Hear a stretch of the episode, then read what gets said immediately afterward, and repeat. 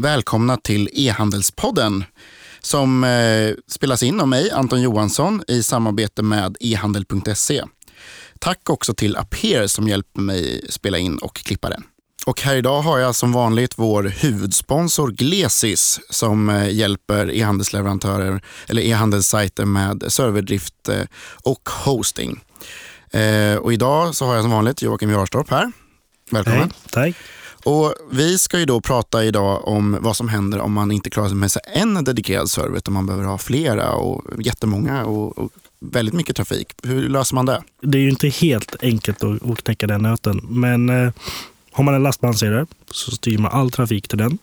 Och därifrån styr man det till VV1, VV2, VV3. Du kan ha 100 webbservrar som jobbar parallellt. Det viktiga där är att alla servrar har samma innehåll. Så du måste synka allting. Ofta så laddar man upp alla filer till webb 1. Sen synkar den ut till webb 2, 3, 4 och så vidare. Så lastbalanserare, det är alltså om man, om man har jättemycket besökare och man måste ha, ha väldigt många servrar för att klara av den här trafiken helt enkelt. Precis, och det ökar ju tillgängligheten också. I och med att eh, går en server ner så känner lastbalanseraren av att webb 3 den försvann. Då plockar man bort den.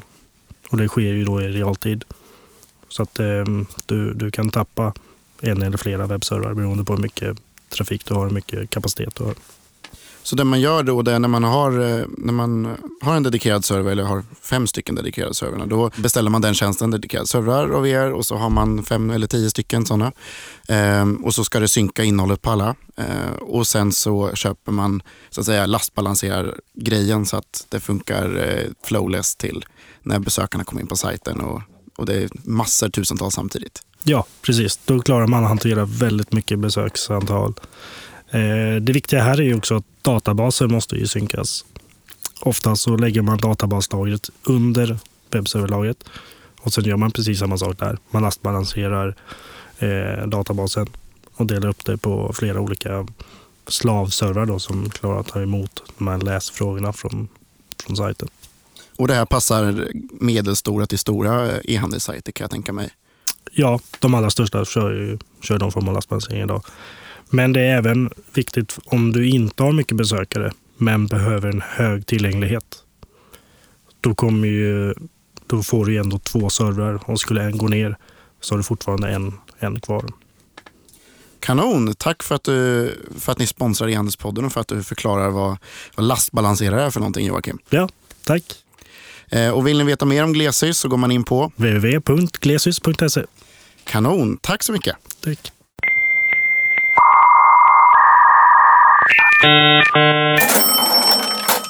Hej och välkommen till e-handelspodden Robin. Tack så mycket, kul att vara här. Eh, du kan väl berätta vad du heter och vad du jobbar med till att börja med? Eh, jag heter Robin Mellstrand och eh, jag jobbar på Loop 54. Det är ett litet team och jag är då officiellt vd för bolaget. Mm. Och eh, bara så man får lite koll på din bakgrund, har du någon utbildning? Eh, ja, jag läste eh, civilingenjör nere i Lund. Mm. Så här, eller snarare powerpoint-ingenjör, industriell ekonomi. Ah, okay. Affärsingenjör? ja, men typ ja. så. Man pluggar och pluggar och inte blir bra på något speciellt. Men sen kan man jobba med allt. Exakt. Och var är du ifrån från början då? Eh, faktiskt född och uppvuxen i Östergötland, ute på landet. Mm, tills jag var 12 ungefär och flyttade till Stockholm. Ja men det är bra. Det är fler östgötar i Stockholm. Det är... är du också från Östergötland? Ja, jag är från Linköping, så ja, det är bra. Gött. Ja. Um, om, man tittar på, uh, på hur det kom sig att ni startade Loop 54 då, som du är här för att prata om. Mm. Vad, vad, var, vad hände innan du startade det? Så att säga? Hur, hur hamnade du i e-handel och bygga tjänster för e-handel? Ja, eh, det började väl egentligen som ett konsultbolag, så här webbkonsultbolag, byggde webbsidor var ett gäng som satte igång för brist på bättre idéer. Och så hade vi en matematiker med på teamet, för tänkte vi det kan ju vara bra. Det här var 2010. Det är bra en analytisk approach på det hela. Men det var ingen alls som var intresserad av att betala för hans tjänster. Så han satt ju mest och kostade pengar tills vi lyckades hitta ett uppdrag eh, från Vodler. De sa bygg en rekommendationsmotor baserat på hur folk har röstat. Som du har röstat eh, fyra stjärnor på den här kanske du tycker om den här filmen baserat på hur alla andra röstar. Absolut, sa vi. Så byggde vi en sån baserat på så här, de kända teknikerna som fanns. Eh, som funkade bra, tyckte vi. Så la vi in det på eh, Vodlers data och så funkar det inte alls. För, För Vodler hade typ ingen användardata. Det är ett svenskt bolag och man har ganska lite data om man inte är typ Netflix eller Amazon. Så det funkar inget vidare. Topplistorna rekommenderade typ sig själva. Ehm, så det projektet lades ner. De fick produkten och så la vi ner det. Men började fundera på, finns det något annat sätt som vi kan hitta relationer mellan produkter utan att veta någonting om användarna? Och när jag säger vi menar jag vår matematiker, jag har fortfarande inte greppat riktigt. Eh, ja, så hittade vi ett sätt att applicera ett nytt, nytt matematiskt forskningsområde på produktdata som är baserat på vad de heter, vad de ligger för kategorier, hur de beskrivs, vad de har för tillverkare, förstå hur de hänger ihop rent statistiskt. Så byggde vi en produktmodell som vi tänkte, det här är en rekommendationsmotor. Eh, en, så behövde vi se hur bra den funkade, så vi byggde ett enkelt sådär query-system, ett frågesystem. Så bara, vad finns här borta i modellen och vad finns här borta i modellen? Eh, och på de svaren vi fick tillbaka där, så liksom, om man sökte på Rambo, så fick man inte bara Rambo, utan man fick eh, Expendables, man fick andra hårda actionrullar från typ Schwarzenegger och sådär. Tyckte att det här är skitcoolt. Det här borde vara en sök, alla sökmotorer borde fungera så här. Så här Let's build a search engine. Eh, så visade det sig att det var skitsvårt att bygga sökmotorer så det tog ju typ två år innan vi hade första betan eh, färdig och vi visste ju fortfarande inte om vi satt på någonting bra. För vi visste att vi satt på någonting annorlunda men visste inte om det var bra. Så det var några tidigare kunder som sa ja. Jag tror inte att de var helt säkra på vad de sa ja till men de sa ja och vi eh, eh, la in det som ett AB-test bara för att se, tjänar man mer pengar på det här, är det vettigt? Och det var superresultat från början. Vi såg att ökade typ konverteringen med så 50 procent från de som använde söket. Liksom. Det, ja, men fasen, det kanske inte var vi som tycker det är ballt, vi kanske har någonting här. Och då eh, testade vi på lite fler kunder eh, och sen bestämde vi för, ja men vi såg liknande resultat, okej okay, det här är bra. Ja, men då scrappade vi konsultbusinessen, sålde av det för typ 30 000 och en back öl till en polare. Ehm, eh, och bytte bolagsnamn och började satsa på det här och byggde om produkten från grunden så att det funkade. Det var lite lappat och lagat och fixat här, efter två år. Och det var så Loop 54 kom till så att säga? Ja, men precis. Så, då bytte men det var samma gäng som satt där och konsultade från början? Nej, jag var inte med på konsulttiden faktiskt. Um, det var en programmerare, matematiker och min kusin som var grafiker. Men min kusin hoppade av och jag hoppade in. Uh, Okay. Lite Håller så. inom släkten. ja, men exakt. Det lättast så. Och jag känner de andra. Ena killen gick jag i högstadiet med och sådär. Så jag kände dem sedan länge tillbaka. Och, och eh, då så startade det här bolaget och började bygga om produkten. Vad, vad, eh, liksom, hur kom ni, började ni då? Ni, ni började bygga om produkten och sen så hade ni kvar de här kunderna då som ni hade lyckats sälja in till? Ja, ja. absolut. De var jättenöjda. Vi hade visat att det funkade. Liksom. Så de var kvar på den gamla versionen tills vi hade släppt en, en beta-version. Tills vi hade släppt en riktig version. Och då switchade vi över dem på den nya versionen. Och så, ja, de är kvar allihopa faktiskt. Mm. Fortfarande. Och där ni säljer är egentligen en, en ja, produktsökmotor på själva kundens sajt så att säga. Ja, exakt. Så att, eh, och, eh, och det är inte bara film längre utan... Nej, det är faktiskt väldigt lite film utan eh, video on demand-branschen är ganska speciell så vi har väl mer eller mindre slutat pitcha på de kunderna utan vi går mer och mer mot vanlig e-handel, vanlig retail. Mm. Gör vi.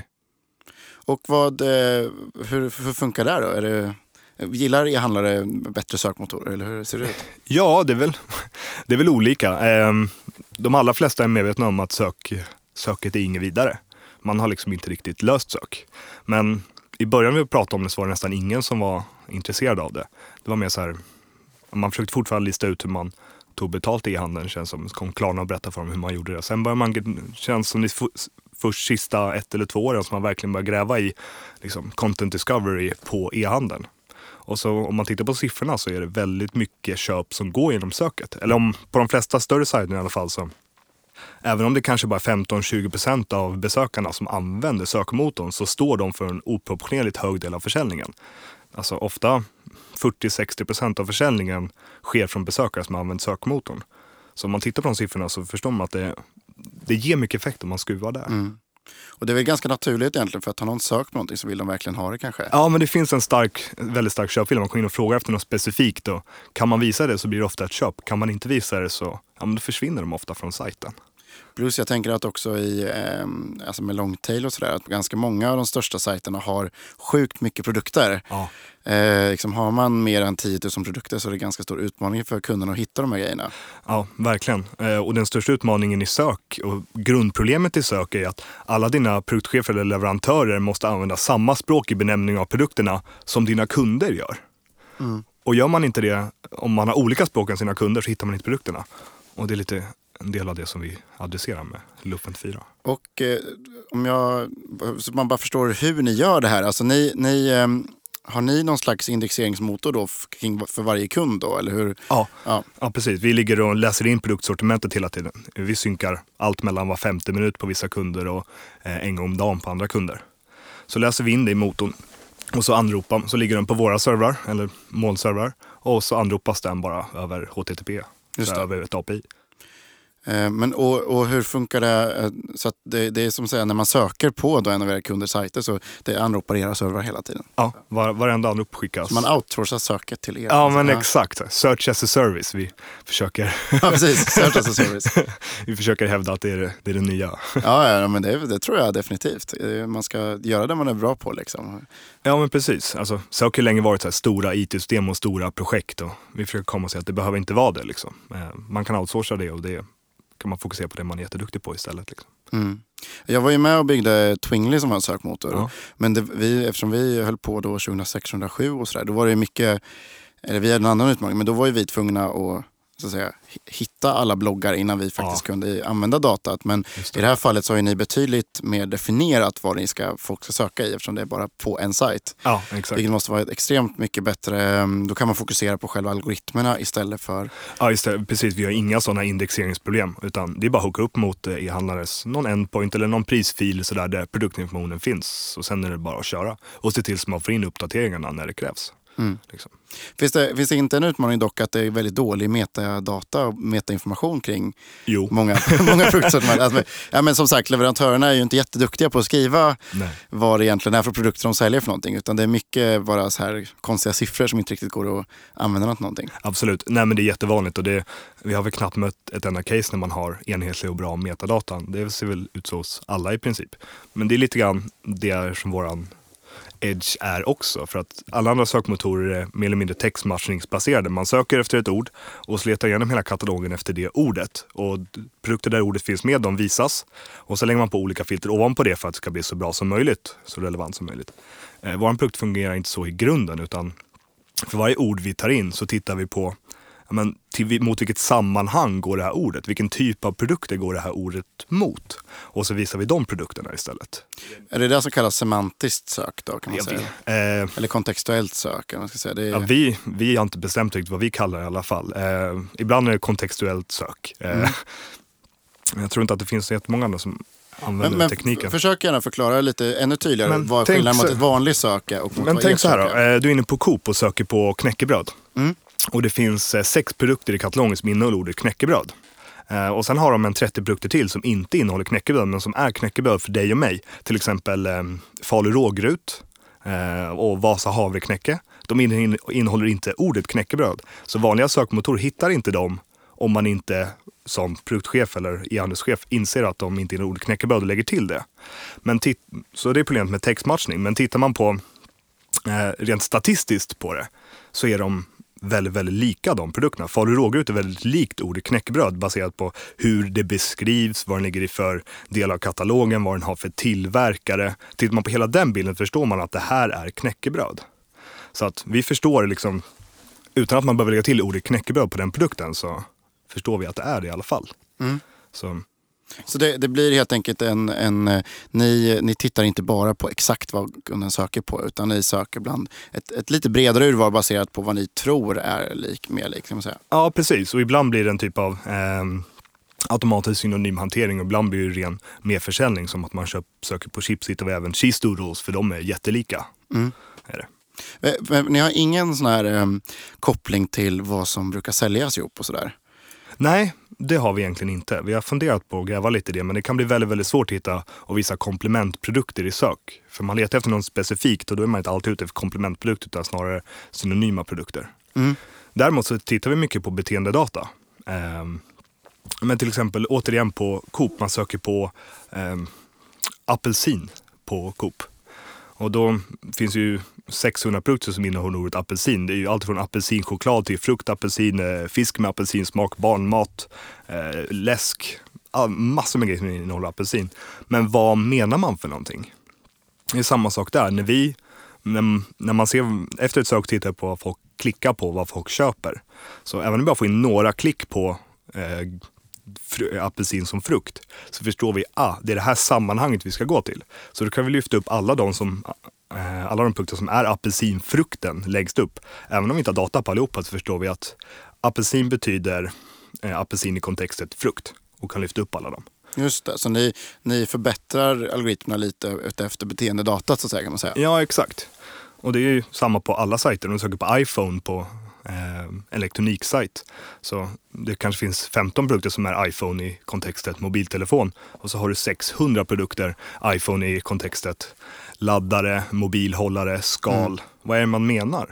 Ja, om det visar att de flesta menar mobiltelefoner, ja men då visar vi dem först. Mm. Och hur, eh, du sa, har ni har AB-testat att det faktiskt funkar bättre med ert sök än med, med så att säga, vanliga sök? Ja. Ehm, och då är det själva försäljningen ni har sett, att de som söker i högre grad köper. Kan man säga. Ja, precis. Det är helt enkelt det vi kollar på. Det segmentet ja. som använder sök, de konverterar bättre med vårt sök. Det, det vi har försökt kolla. Ja, det är det ni kan mäta också. Ja, men, ja, men precis. Det är det som är intressant. Men hur, eh, och vilka, kan du nämna några siffror på det eller någon, eh, något exempel? Eh, ja, alla de AB-tester vi har kört. Eh, det sämsta vi har gjort är en 28 i ökning i konvertering från de som använder söket. Um, och det slår ju väldigt olika på e-handeln beroende på hur mycket sökbeteende det finns. Mm. Um, så, men de flesta, de flesta om man har lite sök så brukar det innebära en 10-15 procent i ökning i omsättning på sajten. Så stor och liten ökade med, då de som ökade med 28 procent i eh, försäljning från sökande besökare. Så hade vi eh, kontorsmagasinet var väl 32 procent. Eh, Office Depot gjorde vi inget officiellt AB-test på men enligt vår kontakt där så ökade deras totala omsättning med 12 procent på sajten. Det gick grymt bra. Ja, det är skitroligt. Ja. Så att det är inte bara vi som tror på det. Nej, exakt. man kan se att det funkar ibland. Det finns, det finns tydligt case. Ja, lite så. Hur, eh, jag tänkte på, det måste ju ändå finnas lite förutsättningar som måste finnas för att det här ska funka bra på en sajt. Då.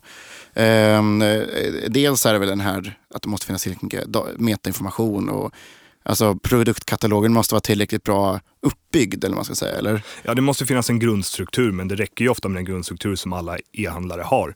Men det, är, det sätter sig självt. Om man har en sajt med sökbeteende, alltså om du har mer än 500 produkter och det är lite olika produkter så att det inte råkar vara 500 olika varianter av skosnören, då finns det inget sökbeteende i alla fall.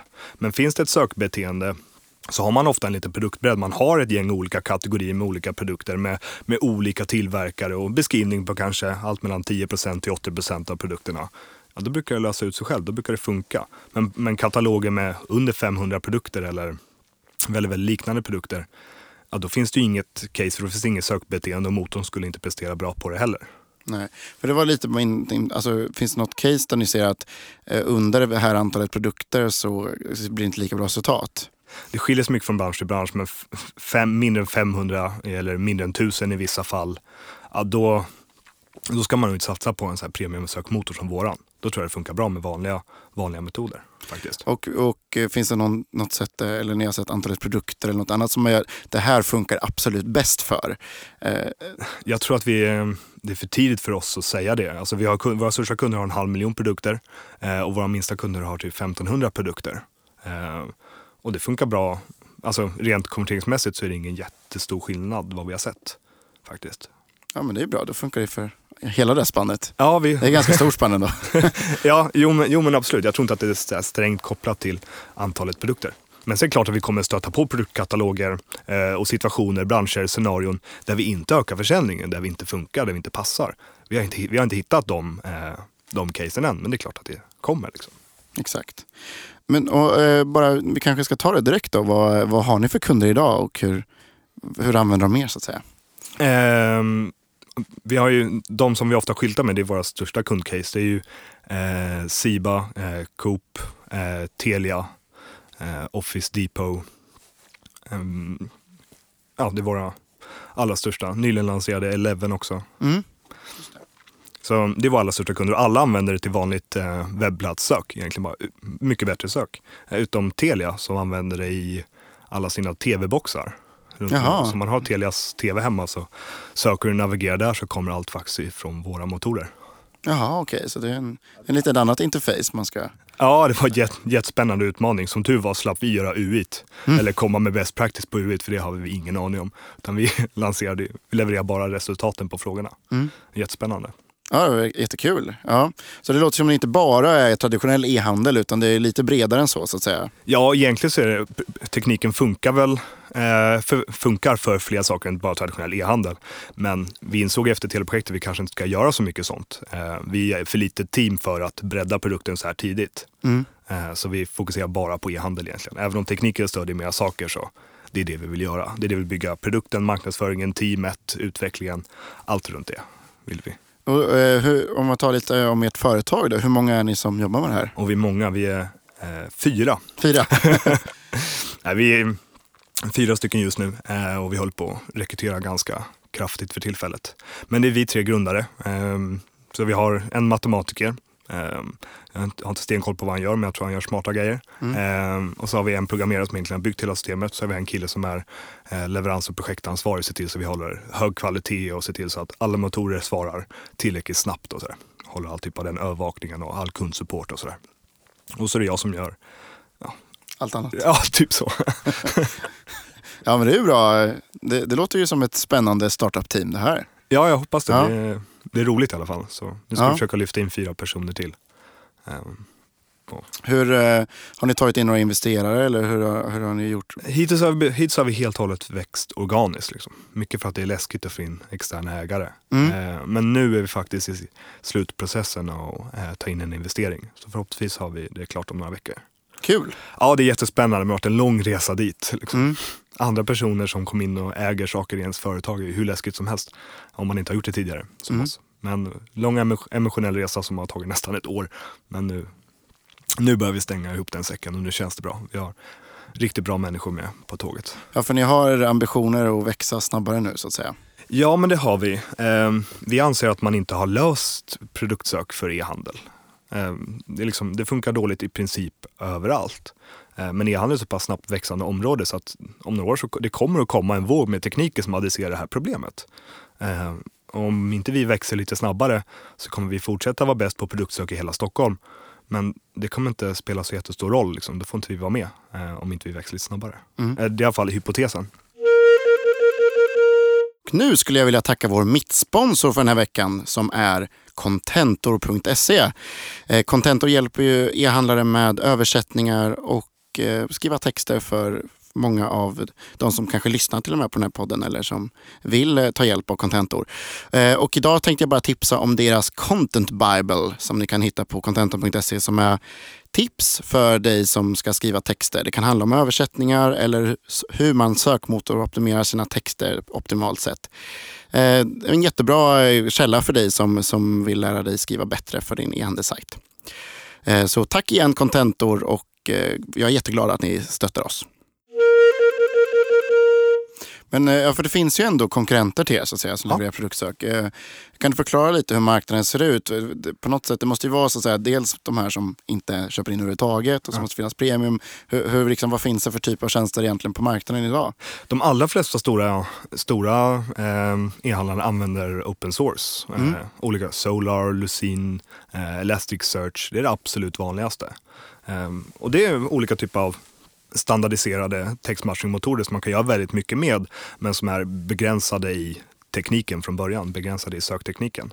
Eh, tar ganska, ganska mycket jobb att lägga in, ofta, projekten är ofta flera månader och man får jobba väldigt aktivt med det. Men det är så man har kommit överens om marknaden, att man jobbar med sök. Ska du ha bra sök så måste du lägga ner mycket tid, mycket kraft, många timmar på det. Mm. Eh, Men sen har vi ju andra privata bolag som har många har jättebra tjänster. Vi har ju Aptus i Sverige. Eh, de gör ju eh, både sök och rekommendationer och lite allt möjligt. Eh, också lite större system att lägga in ofta. Och sen har vi några som heter SLI Systems i Storbritannien. Och Fred Hopper, också ett stort bolag som ägs av SDL. Och sen har vi Factfinder i Tyskland. Alla har sina egna ska jag, edgar. De är bra, bra på lite olika saker. Vi har en unik teknik i grunden som, ja, som vi anser vara bäst. Men det är min subjektiva åsikt. Mm. vi har inte benchmarkat mot dem, vi har inte haft något case när vi har AB-testat mot dem. Vi har AB-testat mot Lucene och Solar. Det har vi gjort och det är exempel på Office Depot och det gick ju väldigt bra. Mm. Men vi har inte benchmarkat med några av de andra privata bolagen. Men vi vet att vi är mycket snabbare och enklare att lägga in än vad de är. Och det är liksom, och mycket mindre jobb efter man har lagt in det. Ja, men då, då kan du förklara då, hur lägger man in det då helt enkelt i, i kortfattat? Ja, kortfattat så är det väl så att i och med att det är en hostad tjänst så när vi bara får tag på en produktkatalog eller e-handels produktkatalog så synkar vi in den, vi sätter upp motorn på den. Det tar ofta bara några timmar eller några dagar beroende på hur omfattande det är. Och sen så ställer man om sökrutan så man skickar det till oss. Och så skickar vi tillbaka svaret så som vi har kommit överens om. Och så ser man till att visa svaret på, i resultatsidan. Och sen så fort man får klicka på någonting, lägger någonting i varukorgen eller köper någonting så skickar man det till oss för att motorn ska lära sig att bli bättre. Just det. det är de huvudstegen. Eh, så, Men så man, man skapar frågor mot ert API egentligen? Exakt, ja. mm. exakt så. Um, och, men det måste göra att produktkatalogen måste hela tiden vara synkad med, med ert och, och sådana saker? Yes. Ja, så vi synkar ju ofta ibland upp ner till var femte minut och ibland typ en gång om dagen. Lite beroende på vilka krav det finns. Så det är ofta inget jätteproblem. Men, äh, men ni har liksom ingen, äh, det är ingen sån här five min install direkt utan det är fortfarande ganska, ganska Ja men alltså, absolut, det tar en stund att lägga in det. det är, vi pratar några dagar. Mm. Eh, och vi för, försöker verkligen knäcka, hur gör man en five minute install på en sån här grej? Mm. Eh, och det är bland annat det vi anställer folk för att titta noggrannare på. Vad kan vi göra? Vad ska vi göra? Mm. Vad är egentligen våran del? Hur kan man få det ännu lättare? Och liksom, jag skulle vilja att man bara skulle kunna trycka på en knapp så har man, så kan man testa det. Är det här för mig? Funkar det här för min typ av katalog? Alltså, gärna testa det gratis om det är så. Liksom. Och finns det en uppsida för båda två, ja men då gör vi affärer, annars inte. Um, men där är vi inte riktigt än, men jag hoppas vi kan komma dit. Men ni har inga, det är inga, så att säga, inga plattformar som redan har skapat stöd för er? Så det, för då skulle det vara lite lättare tänker jag att komma igång. Absolut. Eftersom då, kanske de, då, då, då är det mer stand, då vet, vet ni redan hur den funkar. Men det är inget sånt ni har byggt än? Vi håller på för fulla muggar. Det finns, eh, finns färdigt för Magento bland annat. Mm. Eh, men några sådana avarter i Magento gör att man ändå måste göra vissa saker manuellt i implementationen. Och sen är ju handeln så att den är ju väldigt fragmenterad. Så att bara i Sverige har vi 50-100 olika e-handelsplattformar och det är samma på varje marknad. Liksom, det finns, några, stor, några stora aktörer finns det men ofta är det väldigt, väldigt, väldigt fragmenterat. Mm. Så att rent tekniskt sett så går det ju bara att fixa connectors till några standardiserade. Liksom. Sen måste man ordna så att det blir special för de mindre plattformarna också. Mm. Nej, men jag bara tänker att det, det är så att säga det kanske som, då kommer man förbi lite av den här tekniska barriären för att ja. implementera det. För då, det är lättare att implementera till en plattform som har hundra sajter än på hundra separat. Ja, ja men verkligen. Och du sätter ju fingret på någonting som vi verkligen försöker få också. Vi vill ju få eh, enhetsplattformar lite taggade, lite sugna på det här. Som att det här ska bli en, det som de kan erbjuda sina kunder som har behov av ett bättre sök. Och då sätta upp eh, färdiga moduler för det. Eh, det här är tyvärr någonting som vi har insett lite för sent att det här är en jättebra strategi. Eh, så vi har jobbat på det senaste halvåret, året kanske, aktivt. Så vi håller på att få till några, några standardintegrationer mm. nu. Det blir spännande. Men mest i Sverige så tittar vi på hur vi kan ta det utanför också. Ja, för ni har mest svenska kunder i dagsläget. Ja, precis. Svenska kunder och det är ofta sajter i eh, Norden. Liksom. Så har vi några sajter som är utanför Norden också. Men det är svenska kunder så att säga. Och, men ni, har ni någon plan för hur ni ska gå internationellt redan idag? Eller har ni... Räcker det en plan att man ska gå internationellt? Ja. Hur är ju en svår fråga. Eh, nej, vi kommer ju förhoppningsvis nu ta in externt kapital, anställa säljare. Vi har diskuterat med några som har varit med om den här eh, processen tidigare, internationalisera bolag. Och vi har ju mycket kompetent folk i både styrelse och omkring oss för att göra den här resan. Eh, vi kommer försöka gå tillsammans med kunder till andra marknader, tillsammans med partners till andra marknader och vara allmänt opportunistiska till en början. Pröva olika metoder, se vad fungerar på den här marknaden. Ehm, det, jag tror det är väldigt svårt att bara anta att samma approach man haft i Sverige eh, kommer funka i Tyskland eller Storbritannien eller Holland eller var nu nästa marknad är.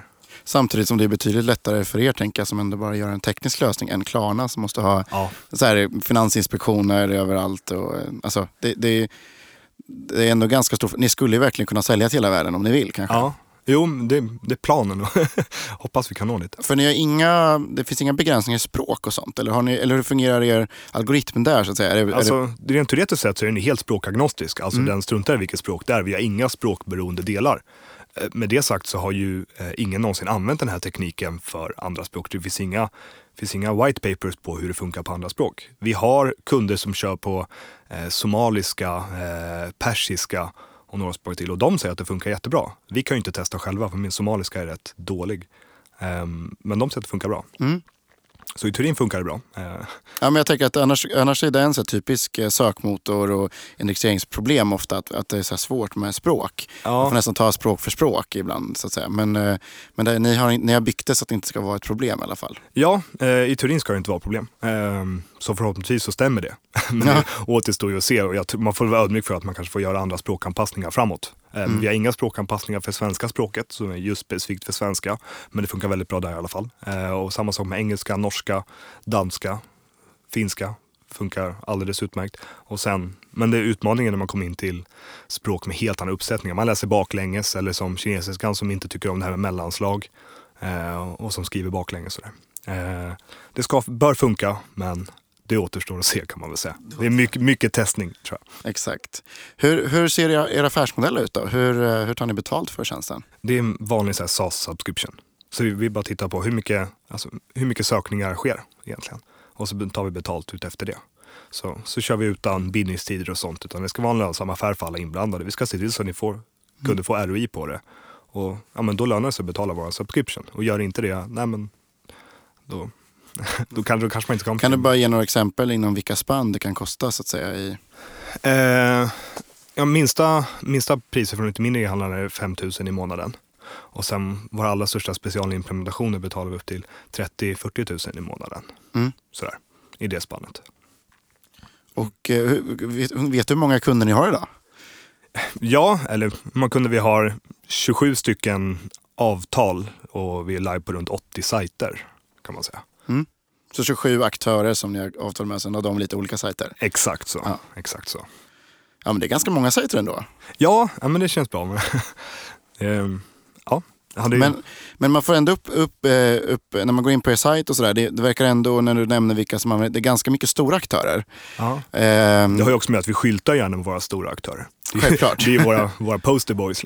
ja, men det, men har ni liksom, är det en taktik att ni ska vara en sån här för de stora eller har ni någon ambition att öppna upp marknaden för fler typer av aktörer? Ja, det är det. De minsta vi kan gå mot nu, alltså för att det ska bli ett lönsamt case för båda, då ska man ha en 10-15 miljoner i omsättning online. Eh, och vi vill att det här ska vara för någonting för alla. Men idag blir det lite specialjobb eh, för varje kund som vi får. Eh, vi har svårt att få det helt och hållet standardiserat. Men vi jobbar mycket på det, vi är på väg mot det och då hoppas vi verkligen kunna öppna upp dörren för de mindre också. Men för att gå på de, också de mindre e-handlarna, då krävs det också att det får inte vara en svår implementation. Eh, den får inte, får inte ta några, några dagar. Liksom. Det ska inte vara ett IT-projekt, det ska vara som du säger, det ska man ska klicka 5 minute install. Liksom. Mm. Det hör ju ihop och sen en mindre prislista. Och jag hoppas verkligen att vi kan nå det. Så att, för jag tycker alla ska ha ett riktigt bra sök. Ja, det får Jag man ju ändå tycka. Jag är ganska partisk i och för sig. Ja, ja men jag håller med. Jag, jag känna på, på vår sajt hedler.se, det är ju verkligen en sak som vi sa- saknar. Liksom. Däremot så, vi fortfarande, för, nu, det är ju för sig en utmaning, vi säljer ju nästan bara hörlurar. Det skulle vara en liten, Ja. eh, men, eh, men vi har nog ett ganska starkt sökbeteende ändå. För man, eh, folk som hittar oss skulle ju, vi letar väl efter något specifikt, de som verkligen söker. Absolut. Vare sig det är gröna eller rosa eller in-ear eller någonting. Just det. Ehm, hur, hur, eh, hur får ni tag på de här kunderna då? Hur säljer ni? Eh, ja, vi har massor med, massor med olika metoder. Eh, vi har försökt med eh, från början försökte vi mycket med mötesbokare, men det funkade inte alls. Man kommer ofta ut till e-handlare runt om i Sverige som tror att man säljer SEO. Ehm, och sen så, genom, men det blir så, det blir mycket genom kontakter. Man pratar mycket med folk i e-handelsbranschen, man syns på mässor, man jobbar så nära eh, e-handelskonsulter som man kan för att få en förståelse för vilka har behovet, eh, hur ser det ut idag? Men sannolikt som vi är nog ganska dåliga på hela försäljningsbiten har varit. Så hoppas kunna göra det bättre nu, få in lite säljare. Just det. Men tanken är, eh, tanken är att ta in säljare, man ska säga, eller lite, lite halvtekniska säljare som Ja, kan... ja absolut. Absolut tekniska säljare eh, som förstår produkten, som förstår, för hela kärnan är att det ska finnas ett ömsesidigt behov, eller behov hos kunden, en riktig affär. Så vi behöver säljare som verkligen kan förstå det behovet och, och hjälpa kunden genom hela processen. Det är jätteviktigt. Men har ni någon, eh, har, säljer ni någonting inom partners, just de som säger de här e-handelskonsulterna? Så att Får de då en kickback eller hur, hur ser det här ut? Ja, exakt. Ja, men det börjar komma mer och mer. Alltså, då och då så kommer det någonting genom partners eh, och då får de såklart en kickback på det också. Så om det kommer ett case genom en partner så tar vi, om någon partner vill så är vi gärna med i säljprocessen. Demar, visar hur det fungerar. Kan visa kundens sortiment på våra, våra algoritmer bara för att visa exakt hur det skulle se ut om man använder våra. Så vi hjälper, vi hjälper partner där de vill det. Eh, och det kommer väl, vi kanske har fått en tre, fyra kunder än så länge eh, genom partners. Ja, men det är ändå en ansenlig procent av 27 stycken. Ja, men det är det. Absolut. Och alla har ju typ kommit de sista åtta månaderna kanske. Så. Ja, ja för, för det är väl också en fråga. Hur, hur har ni växt då från där ni, när ni börjar på riktigt där? Hur, hur har utvecklingen sett ut? Ga, ganska... Ja, första 2012 när vi började, då hade vi Alltså då kanske vi hade en kontraktsvolym på så här 100 000 om året i licensavgifter. Så här. Kanske var två stycken av de våra första kunder. Sen nästa år så var vi uppe i eh, två miljoner i kontraktsvolym när vi slutade 2013 och nu när vi slutar 2014 är vi uppe i drygt fyra. Liksom. Så det blir blivit ganska linjärt. Liksom. Jag Mm. jag fokuserar väldigt mycket på produkten senaste året, men nu börjar den bli riktigt bra. Men att dubbla försäljningen är väl inte fel, eller? Nej, nej men det, Det är väl en det- ganska bra utveckling. ja. ja, det är bra. Men det är vi nöjda med faktiskt. Hoppas kunna fortsätta den utvecklingen. Ja, exakt. Eh, hur, ehm, hur, hur skulle du säga annars då, om, om man tittar på lite mer e-handelsmarknaden som, som generellt och sådär. Vad, eh, vad ser du annars, annars för behov hos e-handlarna att de behöver externa tjänster för? För ni är ju ändå ett exempel på en extern tjänst som löser ett problem hos e-handlarna. Eh, finns det andra saker du tycker e-handlarna borde ta in externa, extern hjälp på? Allt annat som handlar om produktexponering, det ligger ju nära om hjärtat för oss. Som till exempel, jag tycker Nosto fyller ett eh, jätteviktigt hål hos e-handlaren. De är duktiga på rekomm- alltså de här passiva rekommendationer. Andra som köpte topplistor, sådana saker då för att liksom ex- exponera produkter till rätt personer. Det tycker jag är superviktigt. Eh, det täcker, vi har bara det aktiva upptä- upptäckandet i form av sök och i vissa fall även navigering. Men de här passiva rekommendationerna som känns som Nosto är duktiga på. Rich Relevance är också jätteduktiga på det. Mm. Det ser jag som är superviktigt. Sen finns det ju eh, hundratals andra insiktsmoduler som är nästan hygienfaktorer som olika betaltjänster och eh, logistiktjänster och sådana saker. Mm. Men just produktexponering ligger ju väldigt nära hjärtat. Ja, nej men Nosto är ju väldigt duktiga. De är duktiga också på att sälja och Ja, bygga upp sitt varumärke och allt runt omkring sådär. ja. Ehm, sen har väl, eh, de har väl lite annan affärsmodell och sådär, att de tar procent och ja delvis och sådär. Och det, det är väl eh, det är väl lite så här ibland att folk knusslar på det. Men jag tycker de har varit extremt duktiga på eh, och folk verkar verkligen vara nöjda. Ja, de har växt med raketfart.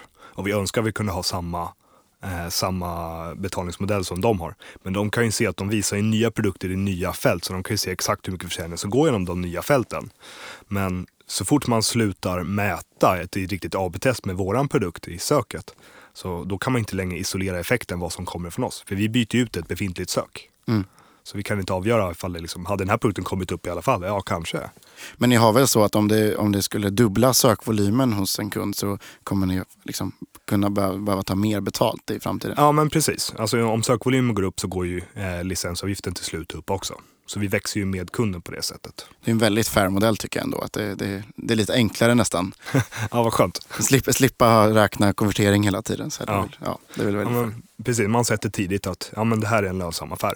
Och sen växer vi tillsammans med kunden. För, hur finns det någonting, har ni sett någonting? Jag tänker att en väldigt viktig grej på söket är ju snabbt också. Ja. Ehm, kan, har ni lyckats optimera det eller kan ni se att när ert sök är snabbare eller är det en, en effekt av att ni är bättre också så att säga? Eh, sanningen är att jag vet inte riktigt hur, eh, jag har inte sett några undersökningar på hur hastigheten exakt påverkar. Men ofta så brukar resultatet är att, ja, resultatet av implementationen brukar vara att den är snabbare. För att i och med att vi inte jobbar med så här, vi jobbar inte med vanliga index i söket utan det är en statistisk modell. Så man kan säga att när ordet kommer in i sökmotorn så vet vi redan exakt var vi ska leta någonstans, i vilken grupp av produkter vi ska leta. Själva sökprocessen går fortare än vanliga sökmotorer, mm. nästan oavsett hur stora produktkataloger du har. Men, ehm, men sen lägger man ju på nätverkstiden. Eh, alltså, eftersom att man inte har sökmotorn i samma skåp som e-handeln så får man ju lägga på en ja, 20 50 millisekunder eh, beroende på var servrarna står och vart e-handeln finns. Just det. Så summa summarum är att det brukar bli snabbare. Mm. Eh, men om det är långsamt så brukar det ofta vara det är ofta sajten. Eh, ladda, ladda bilderna och sådana saker. Just det. Hjälper ni även till med själva sökresultatet, hur det ska se ut och sådär? Eller har ni någon best practice för det här? Förutom ja. i Telia då, men i det här fallet i vanliga Va, Vanliga Ja, men det är som man verkligen bygger bygga upp lite lite tankar om hur ska det se ut, hur många produkter ska man visa ovanför folden, eh, hur, många, hur ska autocomplete göras, hur många förslag ska visas, eh, hur, gör man, hur gör man filtreringen, var ska filtreringen vara av sökresultaten, hur många filter ska man visa, hur ska man sortera de filterna. Eh, Sådana saker behöver vi få ganska bra koll på. Och vi kan bli bättre, men vi börjar ge råd i best practice. Mm. Men, men ni låter kunden fortfarande designa sin, ja. så att säga. Men, men det är ju, blir, det, blir då sökresultatet, kommer det på deras sajt eller är det fortfarande via era servrar det genererar, eller, liksom, eller bara innehållet så att säga, som genereras via era servrar? Det är bara innehållet, det är bara koden ja. egentligen. De här produkterna med eh, titel och bildlänk skickar vi tillbaka så man kan visa dem direkt. Eh, och de här filterna, vi har fått så här många träffar inom eh, mobiltelefoner när man sökte på iPhone. Alltså alla de filterna skickar vi tillbaka. Och stavningsförslag skickar vi också tillbaka om det finns några sådana. Och när man börjar skriva i sökrutan så alla autocomplete skickar vi tillbaka också.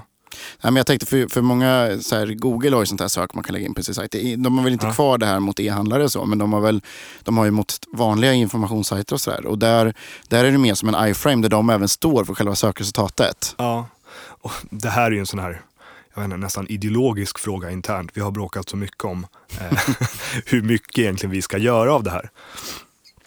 Och vi är väl inte helt framme i det, men vi kan och vi ska göra mera. Alltså vi borde kunna hjälpa till med mycket mera där. Alltså man, vi kan lämna tillbaka en jQuery-plugin, alltså en frontend-plugin som egentligen bara, men här finns all funktionalitet och ungefär det här upplägget ska det vara. Sen får du lägga på sajtens design på det. Det är sånt vi vill bygga, men vi har inte mankraften för det i dagsläget. Utan vi satsar i vi har satsat, vi fortsätter satsa väldigt mycket på motorns funktionalitet ska ge så bra resultat som möjligt. Men nu börjar det dags att bygga upp allting runt omkring så att det ska bli enklare, snyggare, bättre implementeringar. Just det.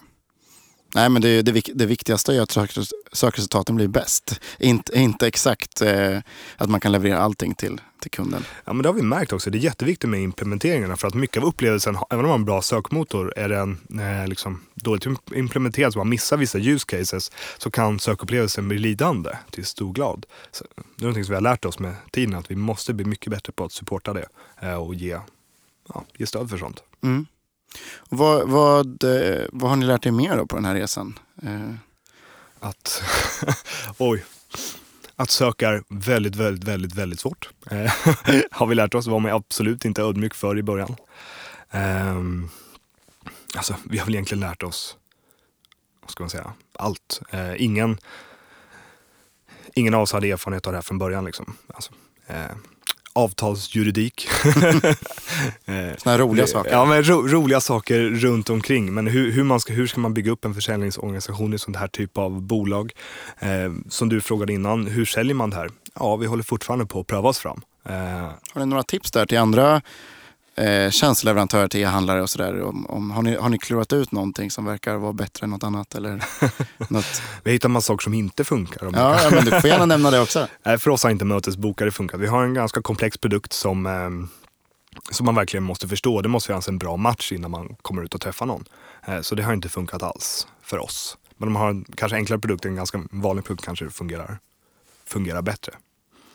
Um, träffa folk, prata avslappnat, det är liksom det som funkar för oss. Vi berättar vad vi har och sen finns, det, finns det liksom en match där det ska kunna funka. Ja, men då, vi kommer gärna och visar hur det funkar live. Det är det absolut starkaste vi har. En av de bästa försäljningsmetoderna vi har är ju att vi tar kundens produktkatalog. Så kan vi bara lägga någon timme på att få upp den i våra sökmotorer. Så kan vi komma och visa med era förutsättningar, med er data, med er struktur. Då blir det exakt så här. Mm. För att problemet med sök är att även om du kan inte jämföra sökmotorn på Siba och Elgiganten. För att de har olika metadata. De har olika databaser, olika förutsättningar. Så att om på ena sidan får man ett resultat på samma sökord, andra sidan får man andra resultat på samma sökord. Men det går inte att jämföra. Så Det är svårt. det är svårt. Liksom. Det är svårt helt Ja. enkelt. Men är det, är det, finns, det, eh, finns det något annat som du tycker att e-handlare borde göra bättre? Eller, så eller någonting som du kan ge tips? Om man tänker sig tips till tjänsteleverantörer, men finns det något tips till e-handlarna? Där de, förutom att byta sök till er, då, men finns det någonting du... För nu, nu har ni ändå suttit med ganska många stora sajter och så här. Finns det något, gud varför gör de inte det här bättre? Eller så där? Ehm, ja, ehm, vi pratar mycket om alltså, Eh, produktstrukturer och hur man benämner saker och ting. Ehm, som är väldigt, väldigt relaterat till det vi gör då såklart. Men att tänka igenom sin katalogstruktur. Alltså verkligen så att kategorierna är egentligen mutually exclusive. Så att man, varje kategori innehåller ett visst sätt av produkter. Så att de inte överlappar varandra allt för mycket. Det är väldigt, väldigt viktigt. I, alltså, så dels så kunderna kan navigera i katalogen, det drar visserligen ner nyttan av sök, men också hur man gör facetter i katalogen också. Så man verkligen förstår att det här är, det är olika produktgrupper för olika saker. Det är någonting som vi, ja, som vi ser ofta att man har problem med i katalogen. Nej, men jag tycker också om man tittar på eh, någonting som alla börjar ju med att inte tänka på hur många produkter man sen ska ha. Och så går man från så 1000 produkter till 100 000 produkter och så har man inte riktigt ändrat strukturen där. Och så blev det som det blev. Och det förstår jag. Men det, det blir ett problem sen när man ska göra en bra upplevelse för kunden. Både navigering och i sök. Jag tänker att det måste vara en ganska stor utmaning också med många som har många olika typer av leverantörer. Att, att, eh, jag- kan tänka mig att man nästan måste jobba om innehållet man får från leverantörerna för att det är så dåligt i många fall. Ja, alltså många kunder, de som är bäst, eh, de som får bäst sökresultat är ju de som sitter aktivt och gör det. Alltså lägger in produktinformation på alla sidor. För det blir så om, en, om några produkter har väldigt mycket information från en leverantör och så kommer en annan leverantör som har liknande produkter men de skickar bara med vad de heter och vad produktens titel. Eh, Ja, det blir sämre scoring på sådana produkter och det blir, liksom, det blir svårare köpbeslut för kunderna också. Så det, vi ser ganska stor skillnad i konvertering på kunder som jobbar aktivt med beskrivningar, metadata, än de som inte gör det. Mm. Men det är en jättetung utmaning, speciellt om man har 10, 15, 20, 30 tusen produkter. Det är skitsvårt, det tar jättemycket tid, Ja, verkligen. men det är viktigt. Eh, har du någon drömkund nu då, så här, om du får tänka riktigt stort? I Sverige så skulle vi verkligen vilja ha webbhallen, Mm. faktiskt. Eh, dels för att vi tycker att det finns eh, saker att fixa i deras sök och dels för att vi eh, handlar jättemycket på webbhallen.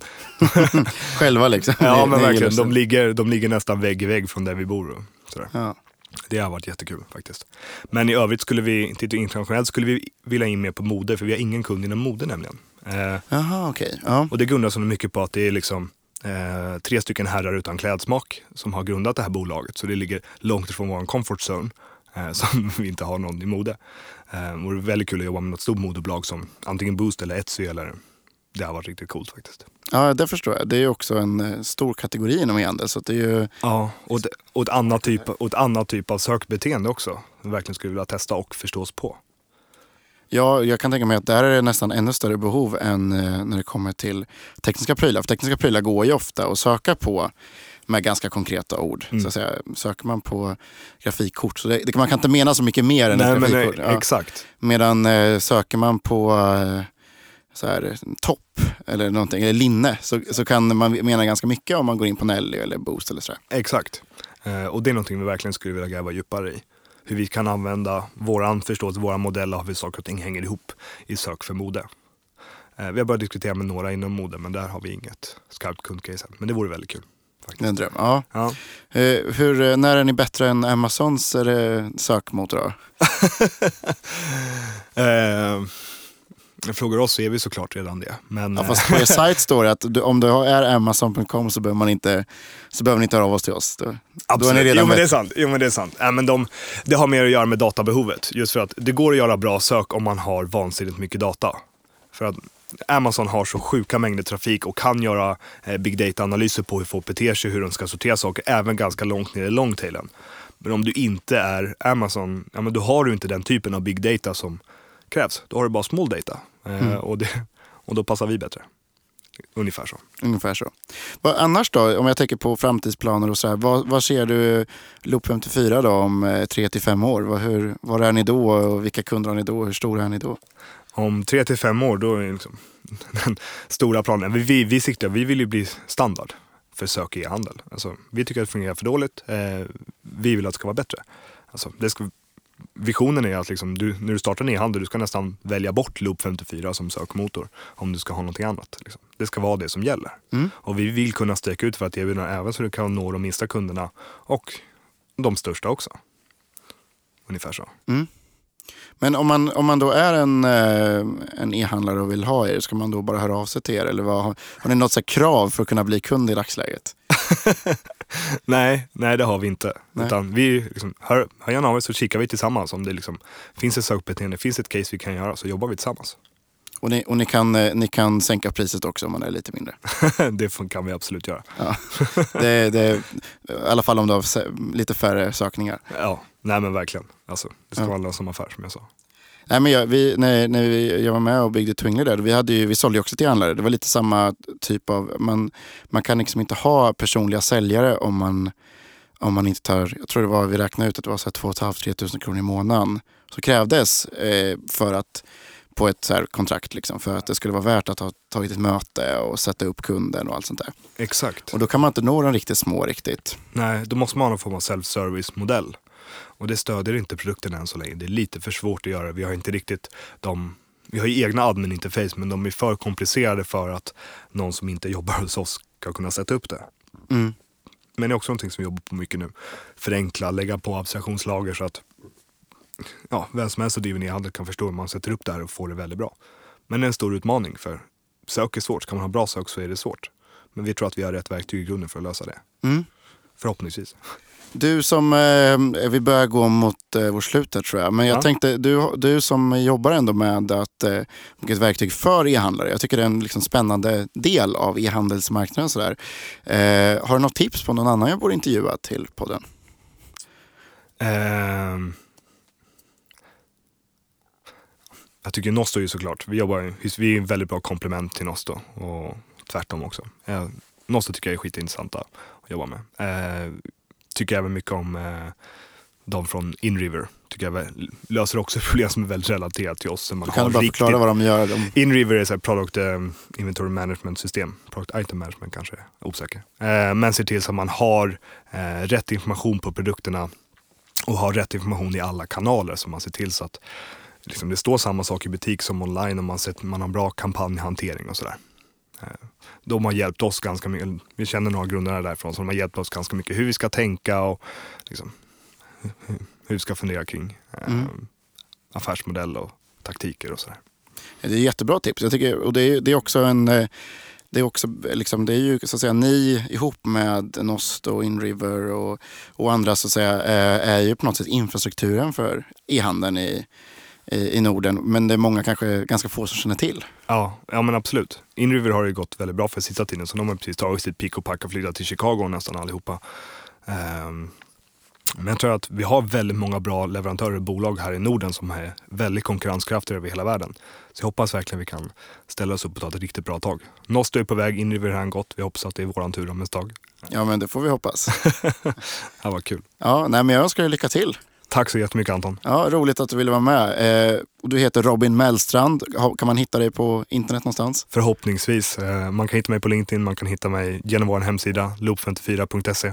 Ehm, och där finns både nummer och Inget mejl. Twitterkonto? Jo, det har vi. Vi har ett Twitterkonto, Loop54.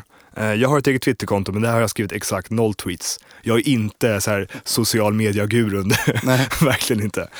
Ehm, vi har ett Twitterkonto. Vi har ingen Facebook. Ja. Eh, får man gissa att inte... eh, Ni är lite, lite mer tekniskt företag på det här sättet. Ni, Ja, ni, ni, sitter, ni, sitter, eh, ni, ni är inte så... eh, Fortfarande är ni väldigt mycket på kontoret och kodar så att säga. jajamän. Jag kodar i och för sig inte så mycket, men det är, det är ett produktnära bolag, det ska vi inte sticka under stol med. Nej, Men det är en eh, stor styrka i, i dagsläget tycker jag. Ja, man måste komma ut och träffa folk också, annars blir det inte... Ja. Man kan vara bäst på, bäst på kontoret liksom, men det, Det är därför ni anställer säljare nu också. ja, det är det. Ja. Absolut. Ja, men tack för att du ville vara med. Ja, men tack så jättemycket. Jättekul att jag fick komma.